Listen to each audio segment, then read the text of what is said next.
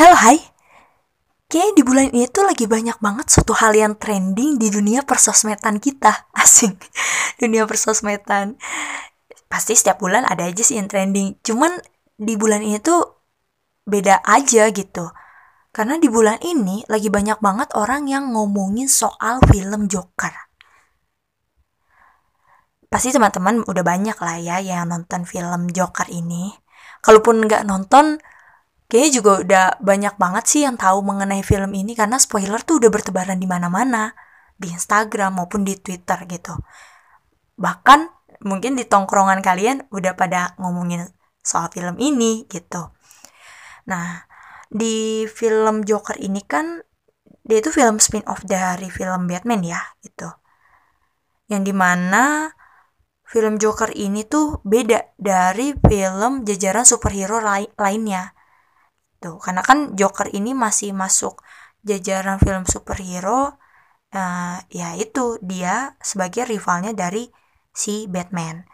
Nah, yang bikin beda di mana film superhero yang lain itu mengusung uh, ya action, lebih banyak actionnya, tapi di film Joker ini enggak. Dia itu mengusung dra drama gitu, temanya drama. Dan dramanya di sini drama mengenai psikologis. Gitu. Dan di film Joker ini, tokoh utamanya itu kan namanya Atur ya gitu. Nah si Atur ini dia itu mengidap penyakit mental. Nah gue nggak mau terlalu bahas banget sih ke dalamnya filmnya kayak gimana. Tapi di sini poin pentingnya adalah penyakit mental. Nah ini nih yang rame banget yang kemarin sempat trending di, di Twitter mengenai mental illness ini atau penyakit mental. Kayak orang baru pada sadar gitu, baru pada ngeh, wah gila penyakit ini ya berarti bukan penyakit yang bisa disepelein gitu.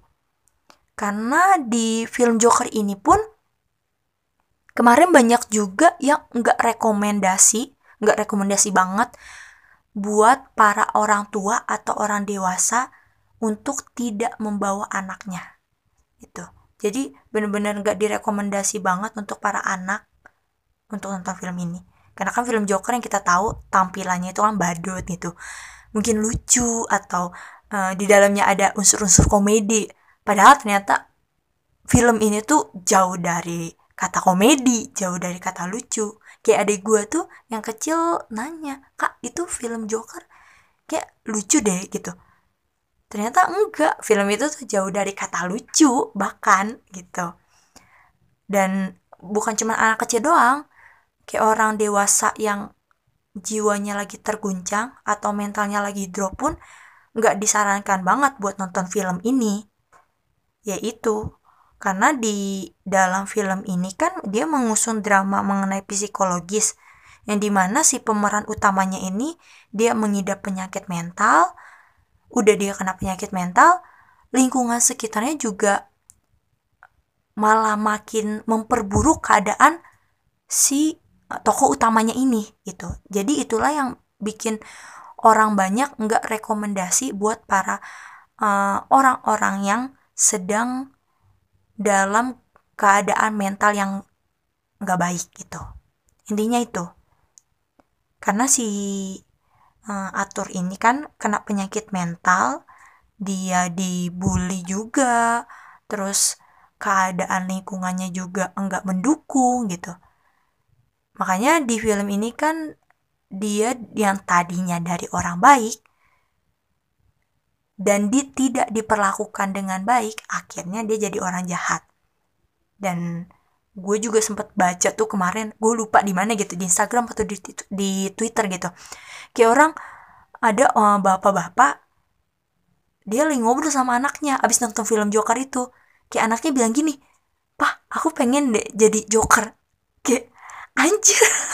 anjir toksik banget ya sih kayak gila anak gue mau jadi kayak Joker gimana kehidupannya gitu kan. Bukan masalah uh, pekerjaannya atau apanya ya gitu. Tapi yang yang dilihat di sini mungkin yang dilihat si bapak ini ya dia mau jadi kan si Joker ini yang tadinya baik kan jadi orang yang jahat. Nah itu kan yang ditakutin sama para orang tua gitu. Kayak gue mungkin kalau adik gue ngomong kayak gitu takut juga. Ah gila anjir bang gitu nah ini yang kemarin sempat trending di Twitter mengenai mental ins dan banyak mungkin ada beberapa kali ya yang belum tahu mental ins itu apa sih biar gue jelasin secara sederhana mentalis itu adalah kumpulan penyakit gangguan kejiwaan yang bisa mempengaruhi pikiran, perasaan, dan perilaku seseorang. Nah, karena itulah banyak yang gak rekomen film ini untuk ditonton sama orang-orang yang dalam keadaan jiwanya nggak baik atau seorang anak kecil untuk nonton film ini. Karena kalau balik lagi lu nonton film ini itu bisa membangun karakter lu men gitu. Kayak dari perilaku yang baik-baik. Wah, ini Joker bisa jadi idola nih anjir banget sih Joker idola biasanya Batman idola superhero idola ini Joker idola gitu kayak wah gila banget nah di mental ins ini atau penyakit mental ini kebetulan banget kemarin kita baru aja ngerayain hari kesehatan mental sedunia tepatnya tanggal 10 Oktober jadi kayak kes, ada kesinambungan gitu loh kayak nyambung gitu antara film ini yang mengusung drama mengenai psikologis sama Hari Kesehatan Mental Sedunia. Dan di mana Hari Kesehatan Mental Sedunia ini digagas sama WHO dan tahun ini mengusung tema pencegahan bunuh diri. Jadi setiap tahun itu WHO itu mengusung tema yang berbeda-beda, tapi untuk tahun ini itu pencegahan bunuh diri. Gitu. Dan ngomong-ngomong soal pencegahan bunuh diri, ini juga yang sempat heboh dan trending di Twitter kemarin. Ya pasti teman-teman udah tau lah. Sebelumnya ya gue turut berbela sungkawa juga sih. Kita udah kehilangan orang berbakat, walaupun ya di luar negeri ya, tinggal di luar negeri. Ya teman-teman udah tau lah siapa orangnya, yaitu Suli dan dia itu kemarin meninggal uh, beliau meninggal tanggal 14 Oktober kemarin dan uh, mendiang Suli ini meninggal di usia 25 tahun. Kayak masih muda banget gila. 25 tahun cuy. Jadi Suli ini meninggal dari beberapa artikel yang gue baca informasi yang gue dapat dia meninggal karena bunuh diri. Nah, padahal di bulan ini tuh kita memperingati Hari Kesehatan Mental Sedunia, temanya pencegahan bunuh diri. Tapi malah kejadian bunuh diri terhadap artis Korea ini, si Suli ini. Karena kan gue juga cukup ngikutin lah dunia perkipopan gitu. Makanya pas gue tahu si Suli mendiang Suli ini meninggal, kayak gue kaget banget. Lah anjir.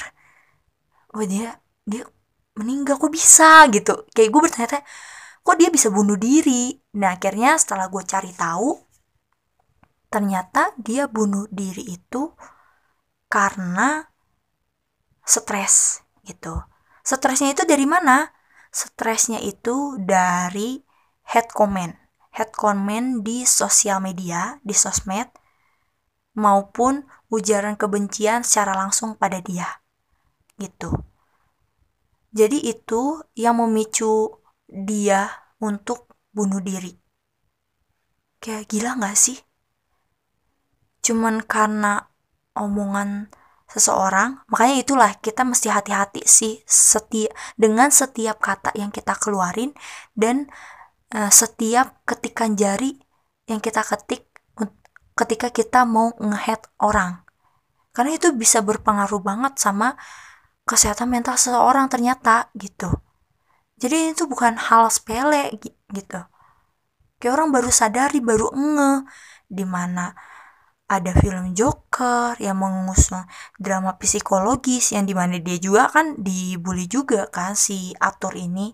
Ya si Atur ini kan dibully sama lingkungan sekitarnya dia gitu. Ditambah penyakit mentalnya ya udah makin-makin gitu. Dan yang kedua hari kesehatan mental sedunia eh malah ada kasus bunuh diri yang terjadi pada mendiang Suli ini.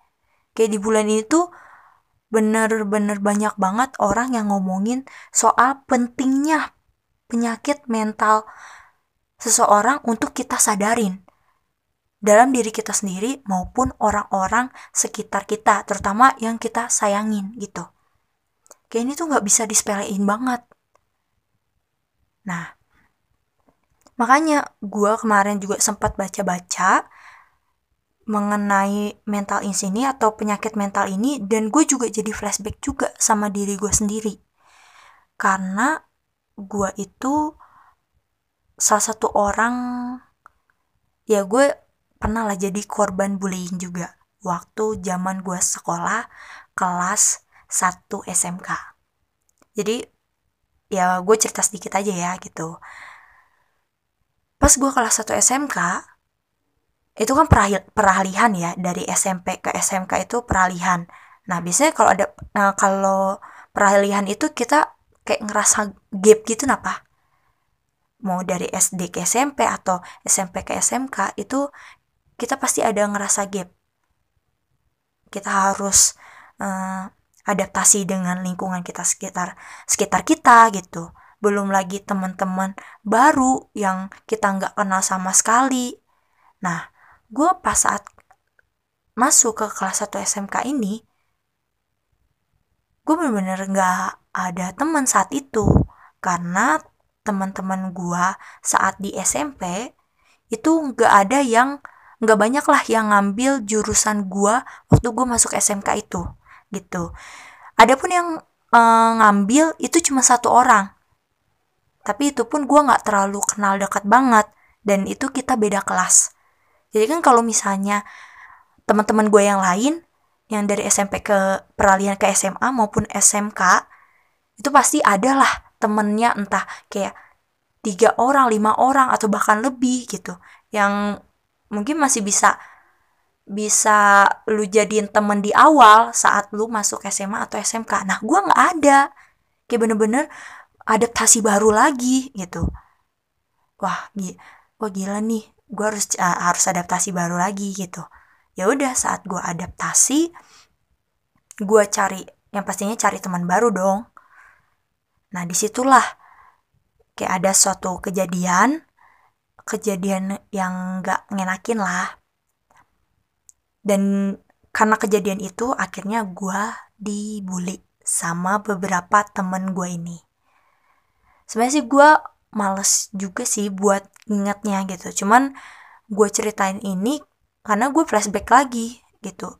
Betapa uh, sangat berpengaruhnya keadaan lingkungan sekitar kita sama keadaan mental kita gitu. Jadi gue flashback karena suatu kejadian itu akhirnya gue dibully sama beberapa temen gue dan beberapa temen gue ini dia tuh ngebully gue dengan cukup frontal ya. Karena dia ngomongin gue kayak jarak cuma berapa meter dia ngelihat gue terus dia ngomongin gue gitu. Kayak lumayan frontal banget gak sih gitu. Dan dia juga ngomongin gue juga di sosmed uh, via Facebook waktu itu. Karena lagi gencar-gencarnya masih gencar-gencarnya Facebook juga via Facebook. Dan di situ kayak orang-orang juga pada berfokus ke gua oh nah itu tuh yang lagi diomongin tuh gitu. Jadi pada berfokus ke gua pada ngeliatin gua oh ternyata orang oh ternyata orang itu tuh yang di sindir-sindir ternyata orang itu tuh yang lagi diomongin gitu. Itu yang bikin sempat mental gue drop banget. Bahkan pas saat itu gue kayak kayak udah males banget apa buat sekolah. Kayak gue tuh males banget pengen nangis tapi nggak bisa gitu jadi udah bener-bener males banget sekolah cuman ya mau gimana lagi? Ya masa nggak sekolah gitu kan? Mau homeschooling eh duit mak mak bapak gue juga nggak bakal bisa kali buat biayain gue homeschooling gitu kan? Homeschooling emang murah gitu. Ya jadi ya gue paksain lah buat gue sekolah akhirnya. Walaupun dengan keadaan yang bener-bener nggak ngenakin. Nah wah gue jadi gue jadi sedih gini anjir. Enggak sih ini gue gue mau jadiin sharing aja gitu. Nah saat itu uh, dalam keadaan gue yang ngedrop ya itulah baiknya Tuhan ya gitu. Pasti Tuhan selalu uh, nyelipin nyelipin kita entah di mana pun orang-orang baik gitu. Pasti aja ada terselip orang-orang baik di antara kita. Dan gue ngerasa beruntung. Tuhan kasih uh, orang baik itu. Apalagi saat keadaan gue yang seperti itu gitu. Jadi kayak ada satu temen gue kita satu kelas dia masih tetap mau berteman sama gue cuman dia doang yang mau berteman sama gue. Kayak dia tahu gue diomongin tapi dia, dia tetap mau berteman sama gue. Gue nggak tahu sih gitu. Kenapa dia masih saat itu masih mau berteman sama gue cuman yang pasti dia support banget gue sih saat itu dia berteman sama gue dia temenin gue ke mana-mana. Kalau gue kayak cerita sama dia dia dengerin keluh kesah gue dan bahkan dia pun tahu ketika orang lain ngomongin uh, eh, gue di di belakang dia nggak ngasih tahu ke gue kayak cukup tahu aja. Dan mungkin di situ dia juga tahu kalau misalnya dia kasih tahu ke gue malah memperburuk keadaan gue makin bikin gue drop gitu ya gue cukup beruntung sih punya teman uh, baik pada saat keadaan yang gak baik banget saat itu ya gitu. Nah dialah yang ngebantuin gue untuk keluar dari masa-masa sulit itu gitu. Dan bener ya kata orang, karma itu ada sih, pasti ada. Ya gue gak perlu jelasin lah hmm, orang-orang yang ngebully gue itu kayak gimana keadaannya sekarang gitu. Tapi yang pasti gue cuma tegasin karma itu ada. Ketika lu melakukan satu hal yang gak baik itu akan berbalik kepada lu entah dalam jangka waktu satu tahun dua tahun lima tahun atau bahkan 10 tahun kemudian gitu. Tapi ketika lu berbuat baik ya lu akan kena dampak hal yang baik juga ke lu gitu. Gue nggak perlu jelasin gimana dia sekarang saat itu yang pasti gue cuma bilang karma itu ada gitu dan saat keadaan mental gue yang drop, gue akhirnya berhasil keluar dari keadaan itu, disupport juga sama teman gue uh, itu, teman baik gue. Dan pas naik ke kelas 2 SMK, di situlah gue mulai banyak teman. Pertemanan gue makin luas, dan di situ juga keadaan gue semakin baik. Dan di situ juga gue jadi mulai menemukan jati diri gue ya elah jati diri. Ya kayak gue sebenarnya cukup bersyukur juga dengan kejadian itu. Kalau gue nggak merasakan kejadian itu mungkin gue nggak bakalan bisa jadi diri gue yang sekarang. Gitu. Jadi bener-bener gue ambil uh, poin positifnya aja sih gitu jadi gue bener-bener bersyukur walaupun itu keadaan hal yang pahit yang gak enak tapi pasti ada suatu pelajaran yang bisa gue ambil dari situ. Dan emang benar akhirnya gue dapat pelajarannya dan gue bisa jadi orang yang lebih baik lagi. Dan sampai sekarang pun masih berusaha untuk jadi lebih baik lagi gitu. Intinya gitu. Nah jadi gue flashback lagi ngelihat ke uh, kasus si Suli kayak uh, orang banyak yang ngebully dia banyak yang ngehead dia ya gue mikir apa sih yang ada di benak orang-orang yang uh, suka ngehead kayak gitu? Padahal kan itu nggak baik buat kesehatan orang yang dia head maupun uh, dia sendiri. Karena ketika dia udah udah seneng buat ngehead orang udah seneng buat ngebully orang itu kan secara nggak langsung juga bikin uh, ke kecenderungan ngebuat ngebuat karakter dia tuh nggak baik juga gitu. Kayak makanya gue bingung apa sih yang dipikirin yang dipikirkan orang-orang seperti ini gitu. Nah di kasus Suli ini SM Entertainment uh, atau agensi yang menaungi si Suli emang udah kasih konfirmasi bahwa si Suli ini meninggal gitu kan tapi di eh, SM Entertainment ini enggak ngomongin secara jelas kalau si Suli ini meninggal karena apa. Cuman banyak yang berspekulasi karena bunuh diri dan bunuh dirinya itu dipicu karena stres yang dia alami pada saat dia mendapatkan uh, head comment dari sosial media maupun secara langsung sama dia gitu. Jadi banyak banget orang yang ngomongin mental ins ini bahwa penyakit mental ini tuh nggak bisa kita sepelein karena ini menyangkut karakter kita ke depannya. Menyangkut jati diri kita ke depannya. Kalau kesehatan mental kita semakin buruk, ya kita jadi semakin kehilangan jati diri kita. Gitu. Kayak contohnya si Atur aja. Dia yang tadinya uh, orang baik dengan uh, penyakit mental yang dia punya ditambah lingkungan dia yang gak support ya gimana dia nggak makin makin stres gitu. Ya gimana dia nggak makin uh, gila gitu.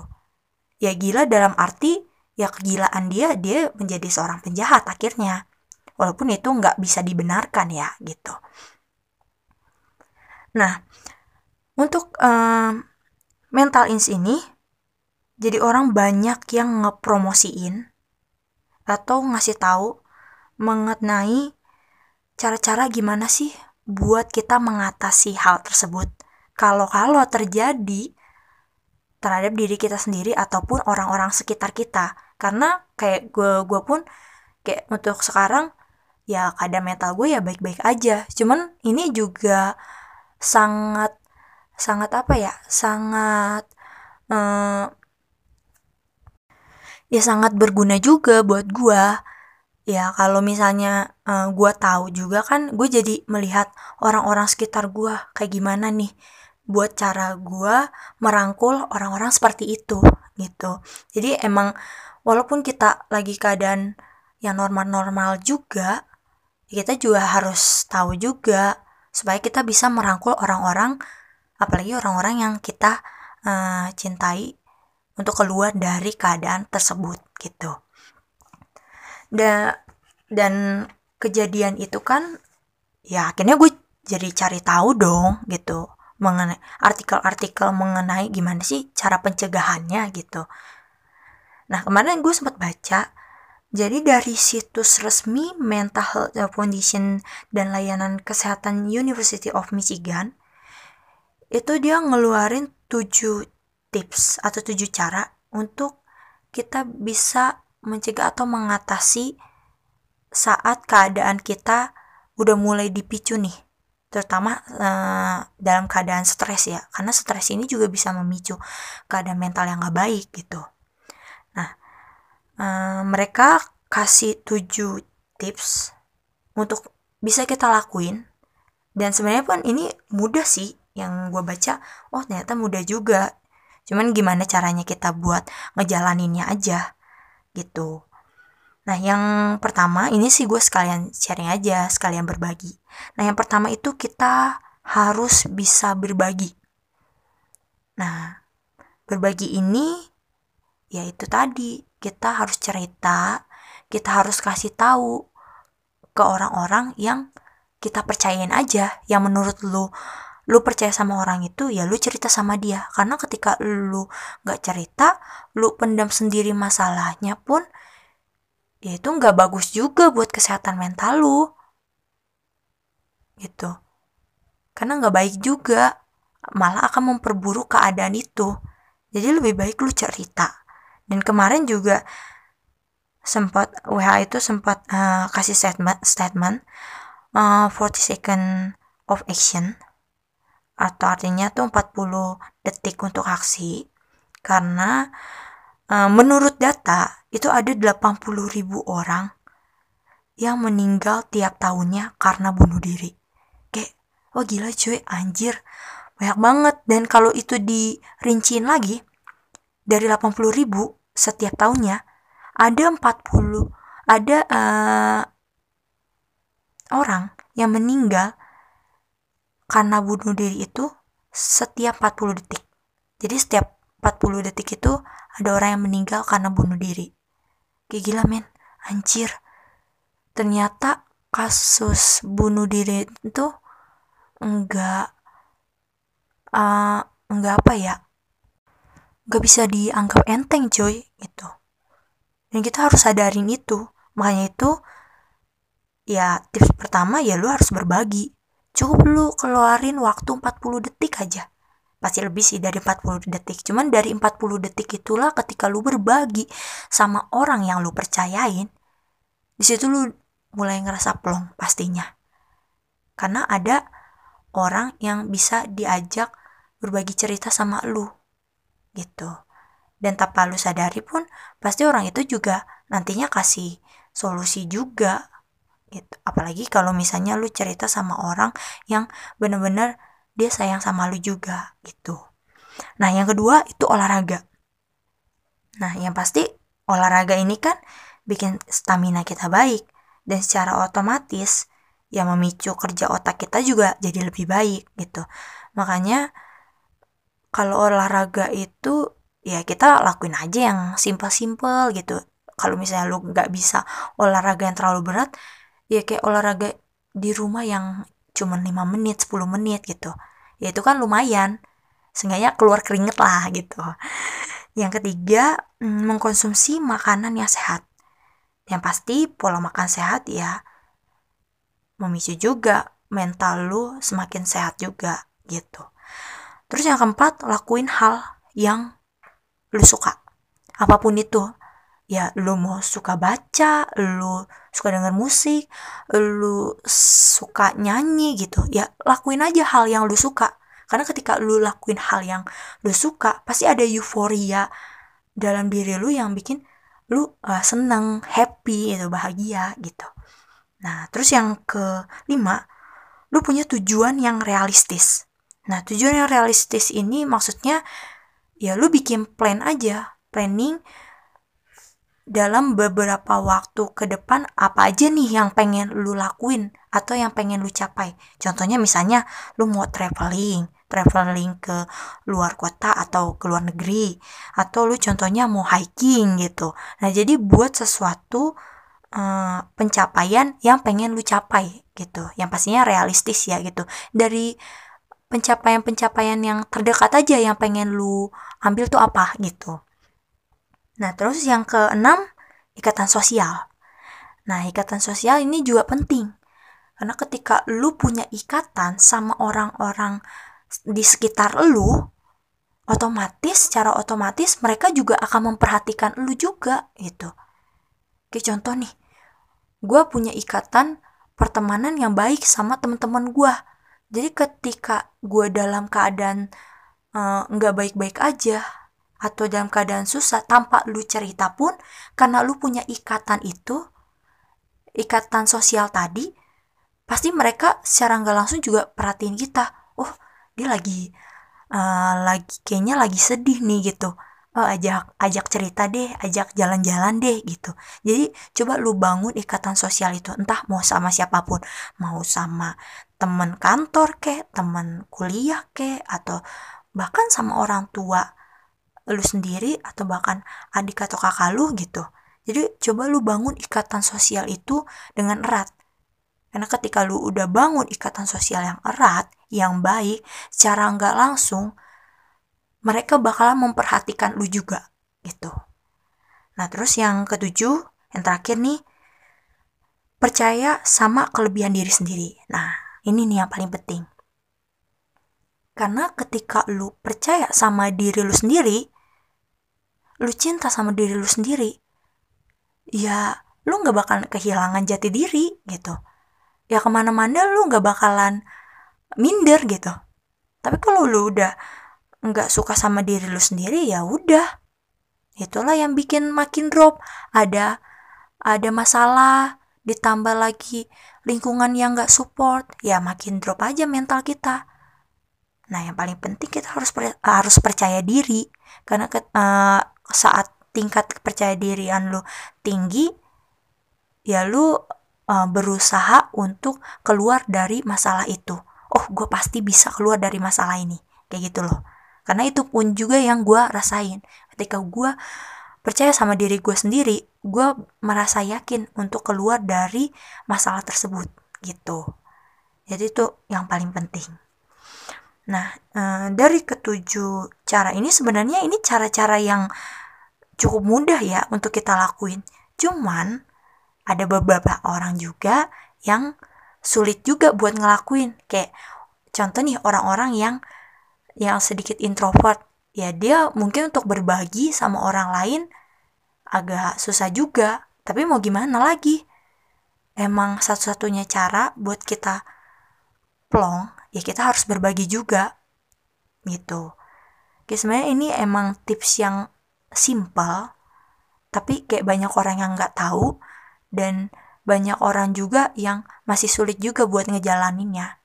Gitu. Jadi please kalau misalnya lu udah tahu, gue kayak gue sekarang udah tahu, ya terapin sama diri sendiri dan itu pun kita terapin sama orang-orang sekitar kita gitu supaya uh, orang-orang sekitar kita yang mungkin saat ini dalam keadaan mental yang gak baik kita bisa rangkul dia untuk keluar dari uh, keadaan itu. Itu. Gitu loh. Nah dari kasus Suli hari uh, peringatan hari uh, kesehatan mental sedunia dan film Joker ini kita jadi belajar banyak banget mengenai mental illness. Banyak banget. Kayak orang baru sadarin dan emang itu harus harus kita sadarin sih mulai dari sekarang betapa sangat berbahayanya penyakit mental ini ketika kita uh, nggak sadarin dan kita nggak bisa ngatasinnya gitu karena kan penyakit mental ini kan memang ada penyakit mental dari uh, gen ya, bawaan. Cuman kan itu nggak terlalu banyak. Lebih banyak itu penyakit mental itu terjadi karena keadaan lingkungan, uh, stres, ataupun traumatik gitu. Jadi lebih banyak memang dari pola hidup kita. Penyakit mental itu lebih banyak dari pola hidup yang kita jalanin gitu. Dan sebelum uh, film Joker ini atau bahkan kasus Suli ini, gue juga uh, udah banyak nonton beberapa uh, drama dan dari drama itu juga gue belajar banyak juga sih gitu yang kayak kemarin tuh sempat heboh juga sempat uh, banyak yang ngomongin mengenai drama uh, dari Amerika apa dari mana nih ya? Kalau nggak salah dari Amerika. Yang pastinya ini dia drama di Netflix. Itu judulnya 13 Reason Why. Kayak banyak banget yang ngomongin 13 Reason Why ini. Karena 13 Reason Why ini uh, salah satu drama yang mengusung uh, temanya itu tentang uh, bullying. Karena kan di sini tokohnya itu dia bunuh diri. Gitu. Dia meninggal karena bunuh diri. Nah, uh, sekarang udah sampai season 3 di season 1, season 2, season 3 ini gue gue cukup ngikutin drama ini karena gue seneng gue bisa belajar banyak dari situ karena di drama 13 Reason Why ini itu uh, diperlihatkan dari segala macam perspektif.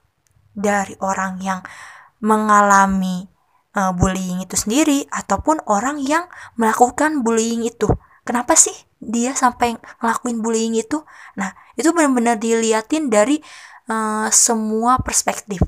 Di situlah gue jadi uh, banyak belajar juga dari drama itu jadi kalau kalian contohnya mau cari tahu atau mau ambil pelajaran pelajaran besar ya bisa tuh dari drama itu itu terus uh, gue juga bisa rekomend juga drama Korea itu judulnya It's Okay That's Love. Nah, kalau untuk drama ini sama plot ceritanya juga mengangkat uh, tentang uh, mental illness juga yang di mana pemeran utama ceweknya ini seorang psikiater dan pemeran utama cowoknya lah yang mengidap gangguan jiwa itu gitu. Jadi di drama Korea It's Okay Love ini gue jadi teredukasi juga emang bener-bener mengedukasi penonton sih. Karena di drama ini tuh kita diperlihatkan berbagai macam penyakit mental kayak obsesif kompulsif, skizofrenia, uh, penyakit torut, uh, tore, torete, torete ya ya, uh, disorder, terus uh, psikosis, depresi, disosiasi, delusi, dan trauma. Jadi di drama Ora ini benar-benar diperlihatkan berbagai macam penyakit mental yang tadi gue sebutin dan gimana cara ngatasinnya gitu. Jadi emang benar-benar dikasih juga solusi untuk mengatasi penyakit mental yang tadi gue sebutin. Benar-benar mengedukasi banget sih menurut gue. Jadi itu bagus banget. Dan karena di bulan ini lagi trending soal mental ins dari film Joker dan kasus Suli, kita harus ambil poin positifnya. Jangan sampai hal ini udah trending begitu aja tapi nggak ada impact buat diri kita sendiri apa ataupun buat orang-orang sekitar kita. Tuh nah kita harus ambil poin positifnya. Itu makanya gue ngomongin soal ini karena penyakit mental itu sebenarnya penting banget. Penting banget untuk kita sadarin. Gitu. Ya iyalah orang penyakit mental itu semua orang tuh memiliki kecenderungan untuk kena gangguan jiwa. Kayak lu orang normal sekalipun bisa kena penyakit mental ini gitu. Jadi lu bener-bener harus harus apa sadarin banget dari mulai dari sekarang. Karena kan balik lagi kayak gua ya kita nggak ada yang tahu ke depannya. Hmm, masalah ke depannya nanti kayak gimana kita nggak ada yang tahu. Nggak karena kan kehidupan kita nggak mungkin baik-baik aja terus. Entah kita menghadapi suatu hal yang nggak baik Nah kita tahu nih cara mengatasinya supaya mental kita nggak ngedrop-drop amat lah. Kan bahaya juga kayak gini nih. Kayak kasus Suli sampai uh, bunuh mendiang Suli, maksud gue sampai bunuh diri gitu. Jadi kita harus ambil poin positifnya. Jadikan ini pelajaran besar buat kita semua. Gitu. Paling itu aja sih. Ya, gitu.